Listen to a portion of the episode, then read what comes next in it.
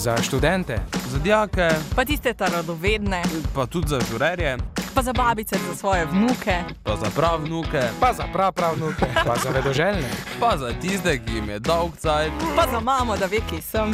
Sn, sn, ne sen, sn. Sen. Pa ni sen, sn. sn. Itak pa za mlade, ne? Za mlade. Za mlade. Za mlade. Za mlade. Za mlade.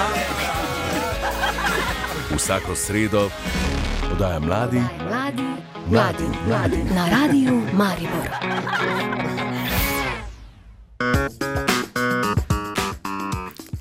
Pozdravljeni v zadnji oddaji Mladim mladim. Še preden skočimo na poletni oddih. Vitja, kakšni so tvoji načrti za poletje?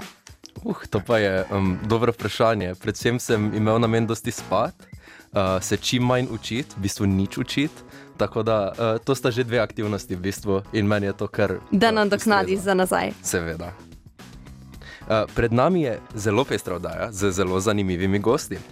V studiu bomo namreč gostili Milo Kodrič Cizer, sourednico letošnjega literarnega zbornika druge gimnazije z naslovom Zakoni sipanja, in pa Ines Tobias, ki je s svojimi pesmimi, izmed katerih so nekatere tudi del že preomenjenega literarnega zbornika, prišla med pet finalistov festivala Mlade literature Urška 2022.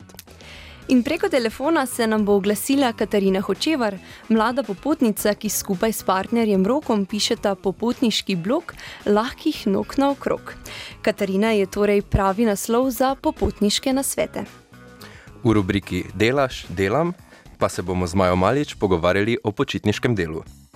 Kot zmeraj pa bomo prileteli še aktualne dogodke v Mariboru in okolici. Sredin večer vam krajšava Vitja Kovačevič in Katja Zver.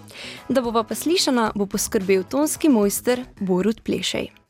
Mladi, mladi, mladi, mladi, mladi.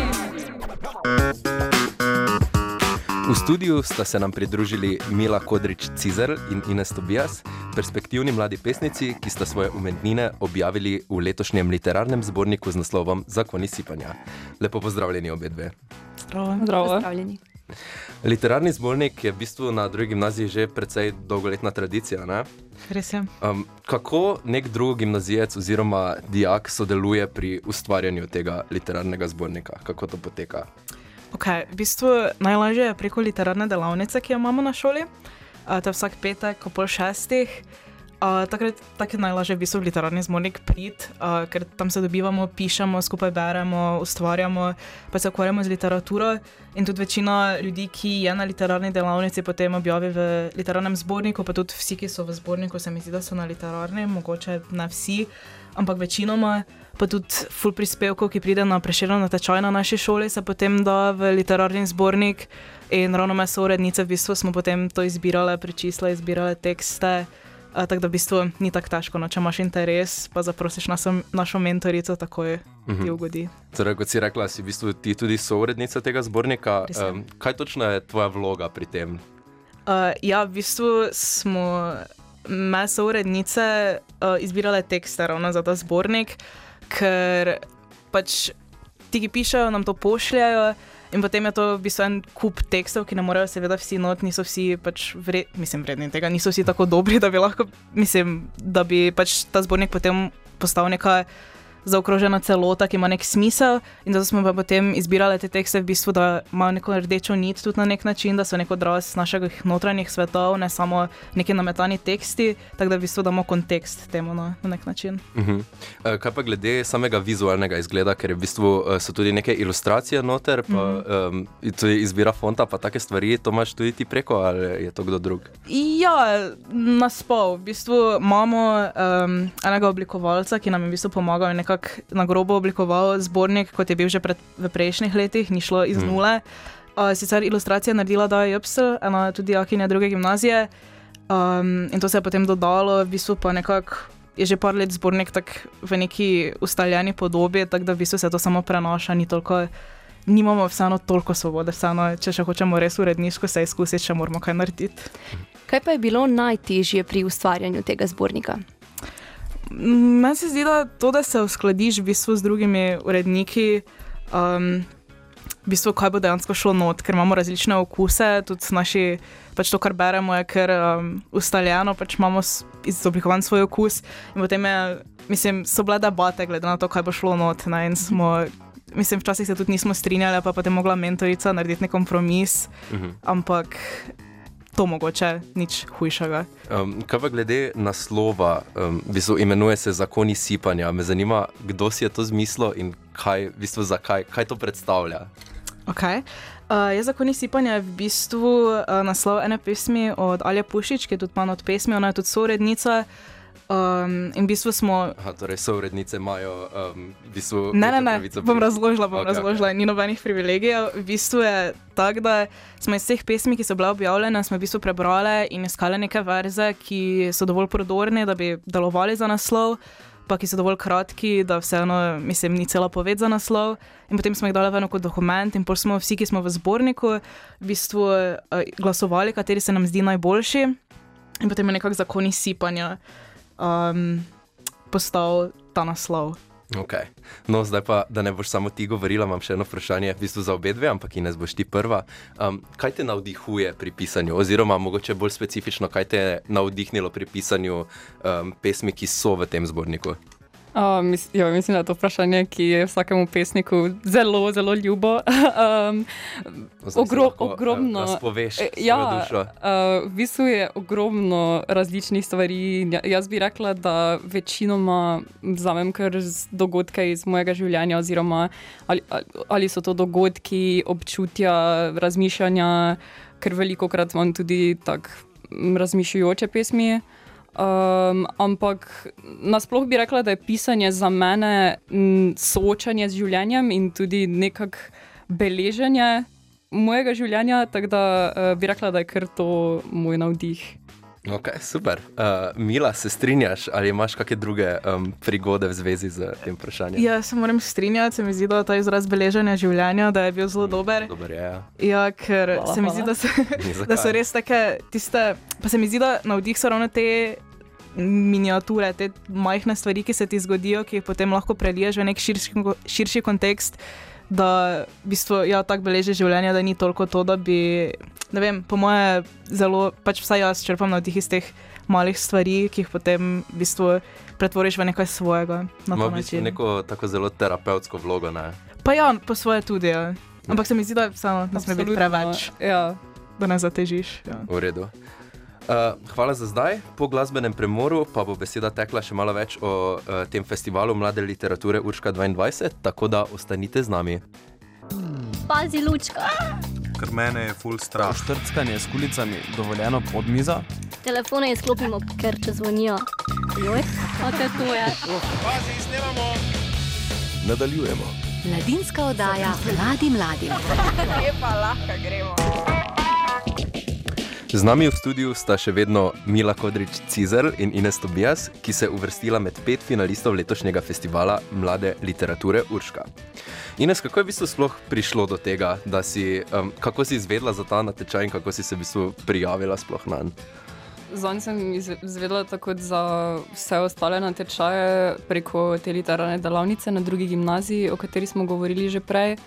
Um, v bistvu naša mentorica zelo redno beleži in nas opominja, kdaj so natečaji, in tako sem se pač prijavila tudi na Urško. Nič posebnega se mi ni zdelo, pravzaprav prijaviš se na vsak natečaj, na katerega se lahko in vsako priložnost izkoristiš, in tokrat se mi je pač bolj posrečilo. Mhm. No, um, ko smo se prej pogovarjali, si mi tudi omenila eno zelo um, zanimivo zgodbico o razgla razglasitvi rezultatov. Bi mogoče to um, povedala našim poslušalcem? Uh, ja, no, pravzaprav sem, je, je to bilo. Razglasitev je bila v živo v Sveti Trojici, ampak jaz sem ravno takrat imela nastop s svojo glasbeno šolo, ki je zelo pomemben in sem se potem odločila raje zamuditi razglasitev. In uh, pravzaprav je bilo sredi noči, ko sem odprla mail, potem ko sem poslala že kar nekaj mailov tej organizatorki, kdaj bomo izvedeli rezultate. Uh, in pač, ko sem prebrala tam tistih pet imen, uh, je to nekaj neverjetnega videti svoje ime med njimi. In sem tako enih parkrat prebrala, sploh ker je bil zelo naporen večer za mano. Mm, prav ne moreš verjeti. Torej, um, kot si omenila, si med, zdaj, med fe, petimi finalisti, prvo kot prvo čestitke. Hvala. Um, kaj, uh, kako zdaj naprej, kdaj je finale, um, zakaj boš zmagala in um, Uh, ja, kaj lahko mi naredimo, da pripomoremo k temu? Pravzaprav nič. Uh, torej, strokovna reži, režija. Ja, no, lahko me priporočate, v karkoli že pač verjamete. Ampak v resnici izvem konec oktobra rezultate, nič več se ne da narediti, ne bom pošiljala nobenih naknadnih besedil. Um, in ja, to je to, zdaj pač sedimo in čakamo, kar je najhuje.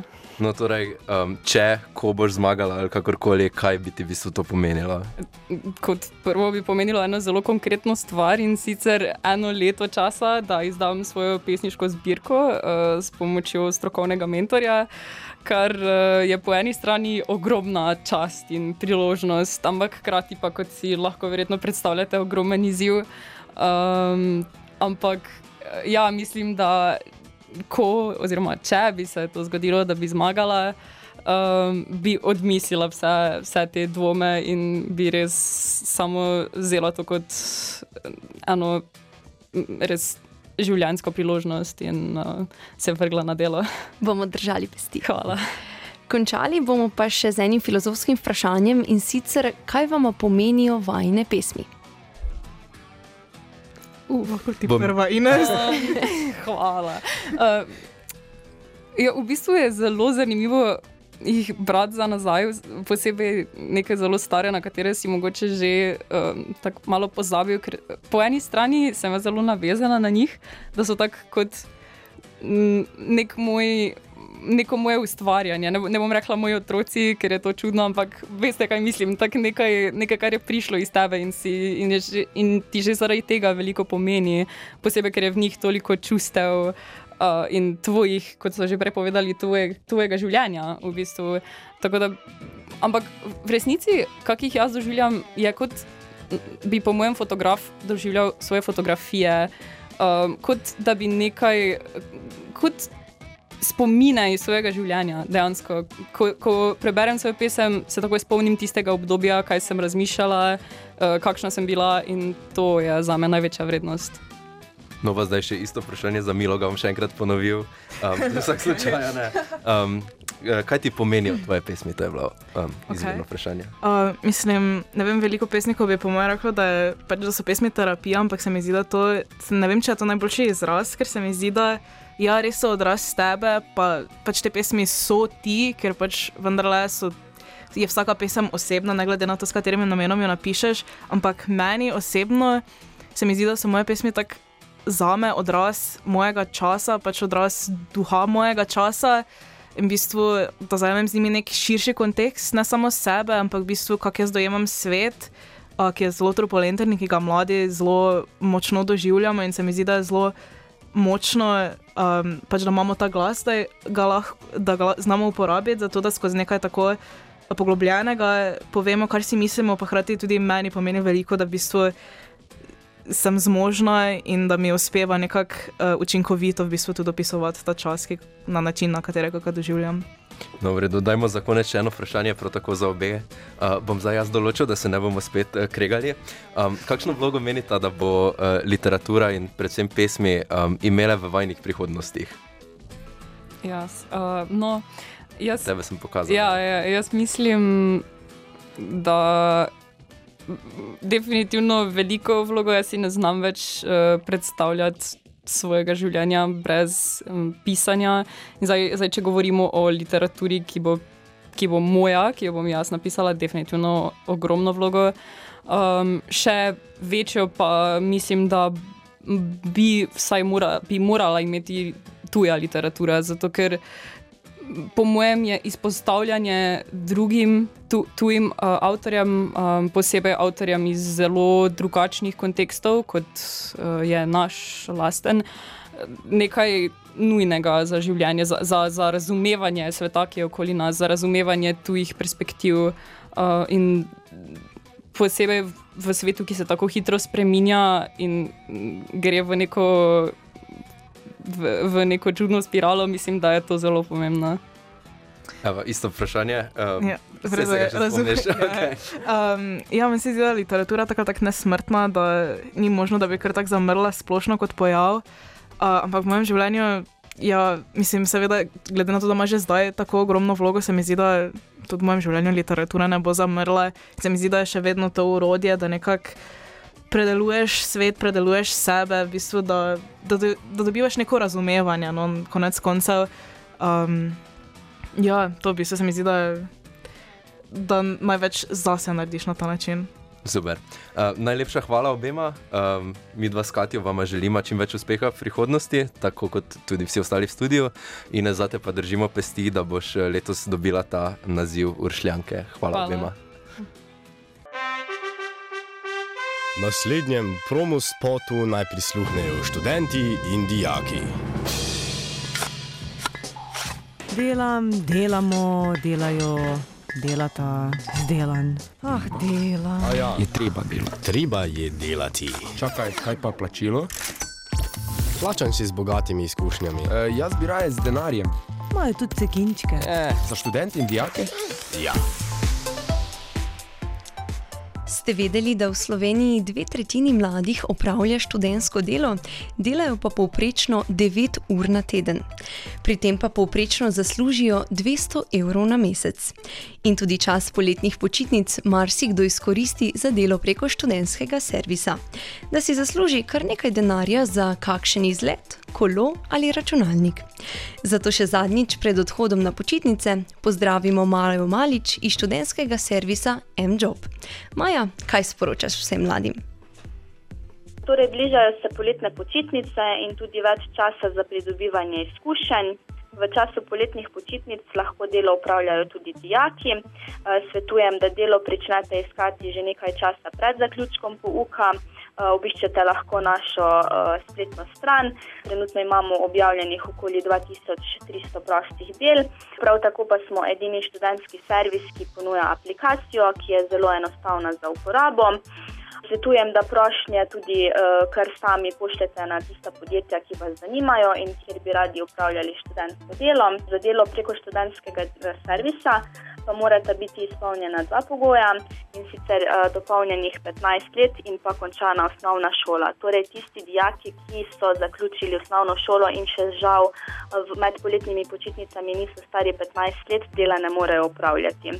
Velja pa tudi, da mlajši od 18 let ne smejo delati med 22 in 6 uro zjutraj, ne smejo delati več kot 8 ur na dan, ne smejo prodajati tobačnih izdelkov in pa upravljati del, pri katerih je povečano tveganje za nezgode, naprimer delo na višini, dvigovanje težkih bremen in podobno. Maja, hvala za zelo koristne informacije skozi celo sezono. Trenutna aktualna dela v Mariboru in okolici pa so. Podjetje Mr. Pet potrebuje osebo za delo v trgovini. Nudijo delo med počitnicami in kasneje občasno tudi med šolskim letom. Začetna urna postavka za čas uvajanja je 5,21 evrov na uro, kasneje pa do 5,92 evrov na uro. Trgovsko podjetje Bauhaus išče osebo za delo na blagajni v trgovini z aktualno ponudbo za dom in vrt. Urna postavka znaša 6,76 evrov neto. Največja svetovno znana in priljubljena veriga s hitro prehrano, McDonald's, išče okrepitve. Izbiraš lahko med različnimi deli, za katere imaš tudi vodeno uvajanje in kasnejšo možnost napredovanja. Urna postavka pa znaša 5,58 evrov neto. Uspešno slovensko podjetje Mlinotest išče ekipo za izvajanje degustacije kruha. Če ti leži fleksibilno delo, rada komunicira s strankami, jim nudiš pomoč, strmiš k dobri prodaji in imaš čas med vikendom, je to super job zate. Urna postavka znaša 7 evrov na uro. Mladi, Mladi, mladi, mladi, mladi.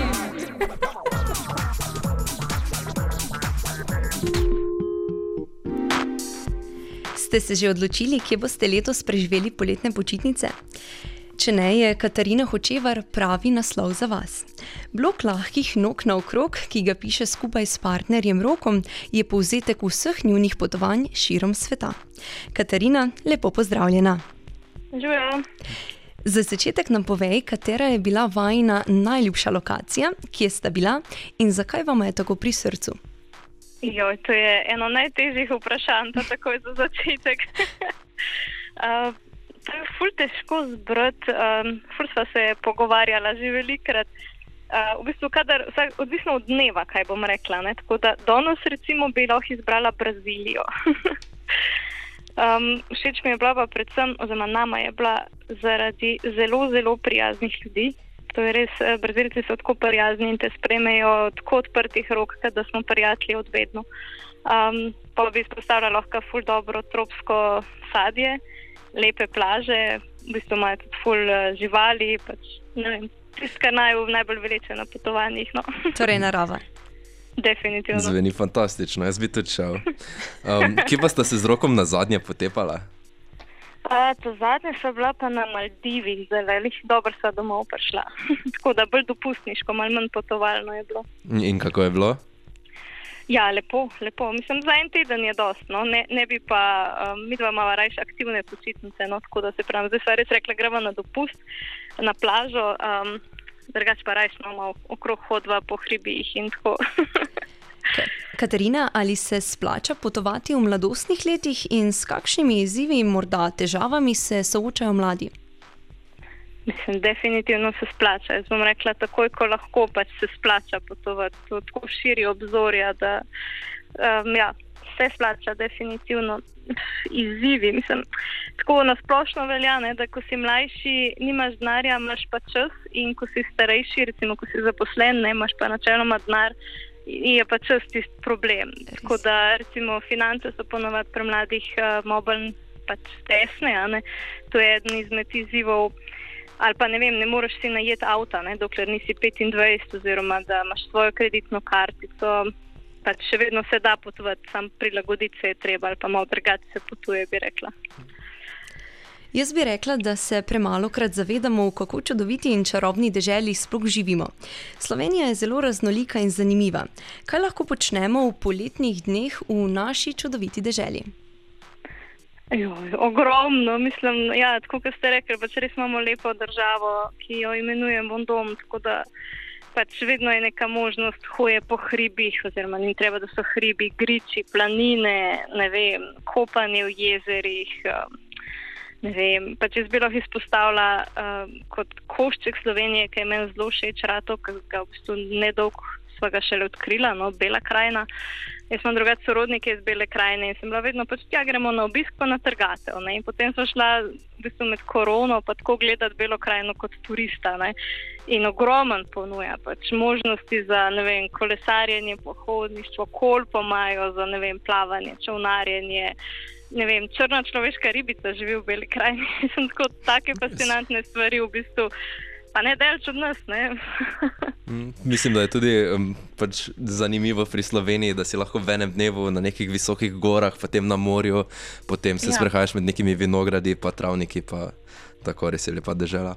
Um, kakšni pa bo kaj letošnji popotniški trendi, um, kam se bo najbolj potovalo in kakšne cilje se bo najbolj izbiralo, pač po tvojem mnenju?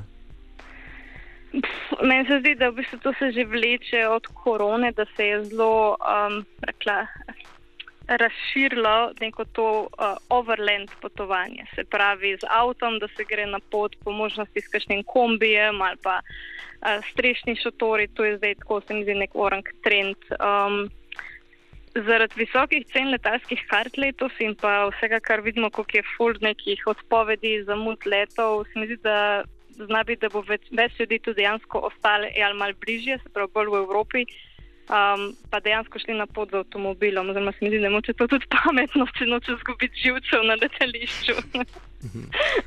pa kaj, kaj pa vidva z rokom? Um, Raje potujete po nekih bolj um, turističnih območjih ali bolj um, takih, ne vem, kako bi se izrazil, ampak divjih, bolj um, ne tako uh, turističnih uh, predeljih sveta?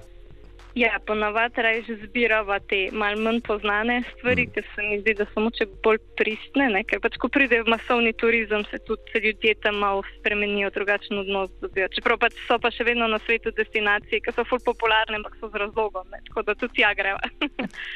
Katarina, zaenkrat hvala, mi pa se slišimo po glasbi. Za dijake, za žurerje, za študente, za vedoželjne, za vedre. Kdaj? Zdaj. Mladi mladim.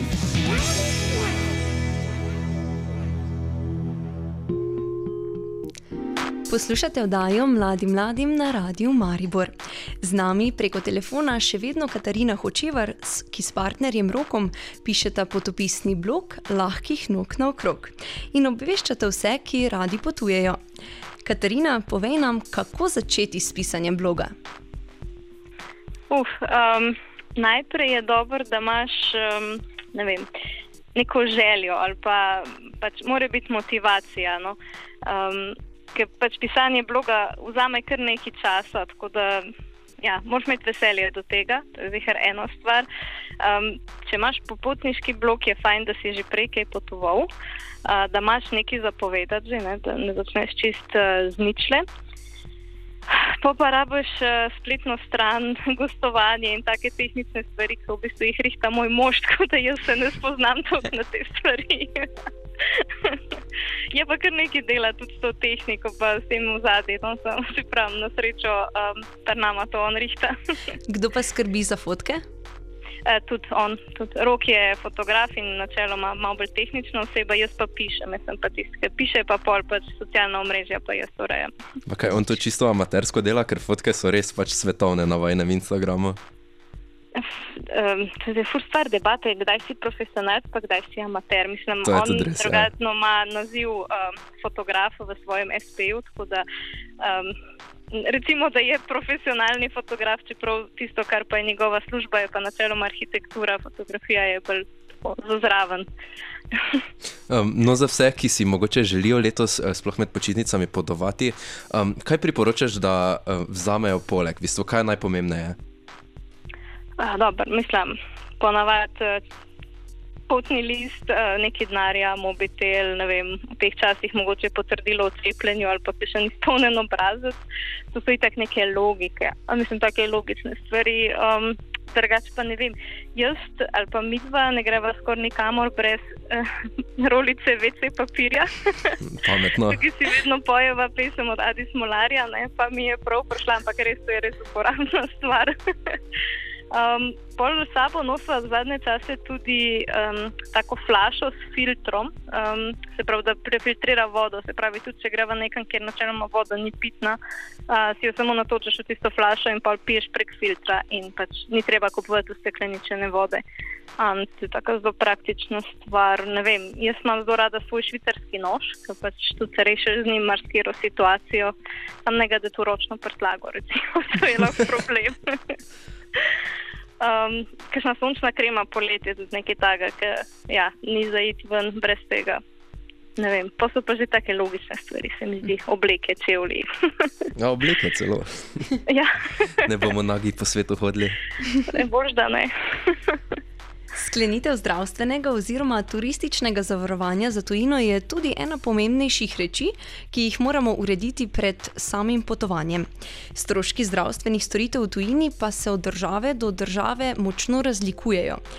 Katarina, kako ga urediti in kje je najdražje? Um, mislim, načeloma vse večje zavarovalnice v Sloveniji ponujajo to turistično zavarovanje za krajše počitnice. Tako da, da se tudi, pos, mislim, da imajo skoraj vse zdaj že, da se da prek spleta. Se pravi, en dan preden greš, v bistvu lahko sam poklikaš, plačaš in je stvar rešena. To je res enostavno. Zdaj, kje je najdražje, až da ne vem. Um, bolj vem, kje so ta pocen. um, mislim, saj zavarovanja. Um, vse načeloma krijejo skoraj iste stvari. No. Tako da jaz ponovadi zberem pač tisto najbolj ugodno, pa glih to, če je kakšna posebna stvar, um, preverjam, če krije. Recimo zdaj v teh časih, eh, da pogledaš, da krije recimo um, COVID, se pravi, če se okužiš, ker nimajo vsi. Um, ali pa ne vem, če je kdo kakšen kroničen bolnik ali zavarovanje krije tudi poslabšanje v bistvu že obstoječega stanja. To so dve taki stvari, ki je mogoče za preveriti. Drugo se mi zdi, da, da so zelo podobno za zavarovanje. No. Prej si omenila, da na vsakem potovanju, poleg plačilnih oziroma kreditnih kartic, je vedno dobro imeti nekaj gotovine. Nas pa zanima, kam spraviti gotovino, da, da smo varni pred tatiči. Ja, um, jaz poskušam potovati s čim manj gotovine, lih za to. Ne. Ker če jo preveč dobro pospraviš, pa še sam ne najdeš. um, mi dva drugače, kadar imamo gotovino s sabo, jo probava razdeliti na čim več um, različnih prostorčkov, ali kako bi rekla. No, se pravi, da ni vse v skupaj, če že se zgodi, da bi kdo kaj ukradel, da ne vzame vsega ko sem potovala po Južni Ameriki, sva imela tudi vsak eno, tako bi rekla, fake denarnico. Se pravi, denarnico, ki je bilo noter ne mogoče 10 evrov ali pa dolarjev, pa mogoče kakšna pretečena kartica. Zato, da če bi slučajno kdo prišel prav do naju, pa zahteval denar, da mu daš tisto denarnico, pa je on zadovoljen, ker pač vidi, da je neki denar vzel, hkrati pa nič tako pomembnega ne vzame. Ne. Um, Drugač pa ne vem, se pravi, po Južni Ameriki sem potovala z avtom, tako da so pol v avtu najdla kakšne take skrite predale, um, kjer so pol se pravi po kosih oziroma po delih skrivala to gotovino. Hm, to je v bistvu zelo pametno, ne? Ja, ne bi si mislili. Um, Ja. kaj pa je bolje, um, v bistvu potovati v lastni režiji, ali kako bi temu rekli, um, ali preko kakšne agencije, kaj vama bolj um, ustreza? Mislim, nama definitivno v lastni režiji. Um, ni pa tako, ne bi rekla, da je to boljš ali pa slabš. To je zelo odvisno od posameznika. Ne. Nama definitivno paše, da si same dva splanirava, ker že sam to raziskovanje, kam bi lahko šla, nama je pač v veselje. In pa hkrati tudi, ko potujeva, mi da se doskrat premislva. Ne. Se pravi, plan je bil, da bi bila, ne vem, pol dneva tam, pa nama je recimo nekje toliko všeč, da ostaneva še en dan ali pa pač moče dva dni.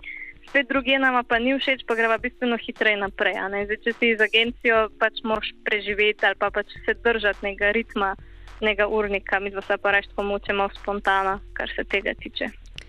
Katarina, kam bi odpotovala, če pred sabo ne bi imela nobene ovire?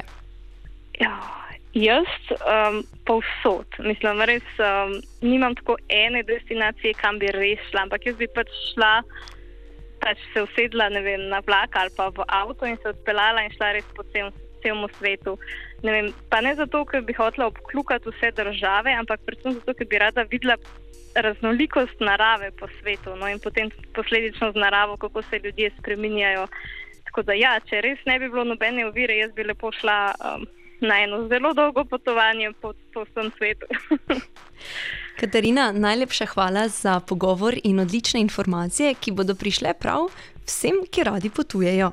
Z Vitijo ti želiva še veliko nepozabnih potovanj. Hvala lepa. Dio. Dio. Ciao. Uh, kaj bi šla ti danes z mano ven? Mm, um, mm? Kaj zdaj bi šla ne? Kaj bi šla? Kaj pa jaz? Ja, pol grem jaz tudi. No, če že greste vsi, pa grem še jaz. Napovednik dogodkov. Pa poglejmo, kaj se dogaja v našem mestu in okolici. Do konca tedna poteka v Mariboru festival Lent, ki je letos poln glasbe, igre, stand-upa, filma, you name it. E, Za vse ljubitelje zabavne glasbe igrajo danes ob 19.30 v mestnem parku skupina Grooveland. Pričakujte aranžmaje velikih glasbenikov, kot so recimo Stevie Wonder in Amy Winehouse, igrajo pa tudi svojo avtorsko glasbo.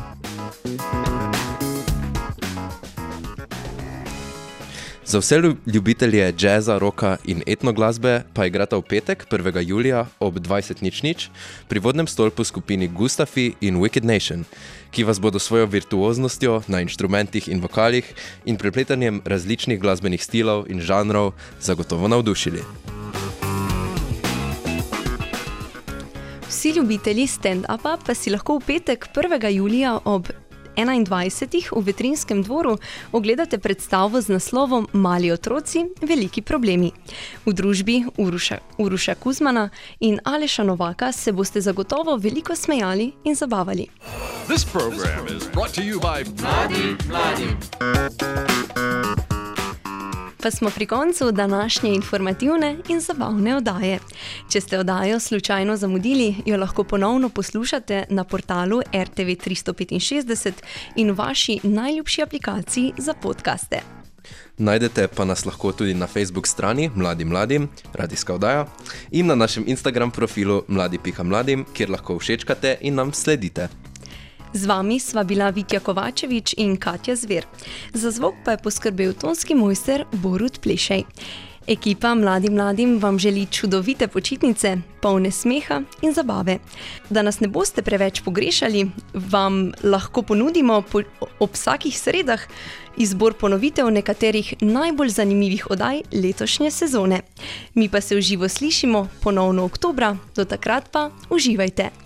Adijo!